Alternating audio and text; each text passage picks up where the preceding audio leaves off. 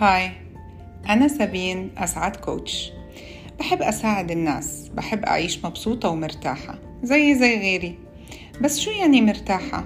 أظن تفسيرها عند كل حدا فينا غير بس لإلي هي إني أكون سعيدة وراضية باللي بعمله.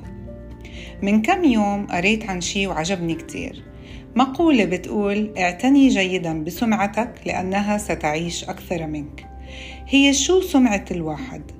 هي اسمه ولا عيلته ولا بلده ولا أخلاقه وتصرفاته أظن هي كل اللي فوق وفوقهم معاملتك مع الناس إمتى آخر مرة عملنا معروف لشخص؟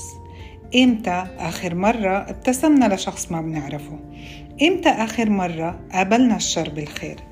إذا كان الجواب والله من زمان وإذا لازم نبدأ من هلأ وصدقوني رح تحسوا بسعادة مو عادية كتير منا ما بيقدروا ولا بيعرفوا إيش الأشياء اللي بتخليهم سعداء.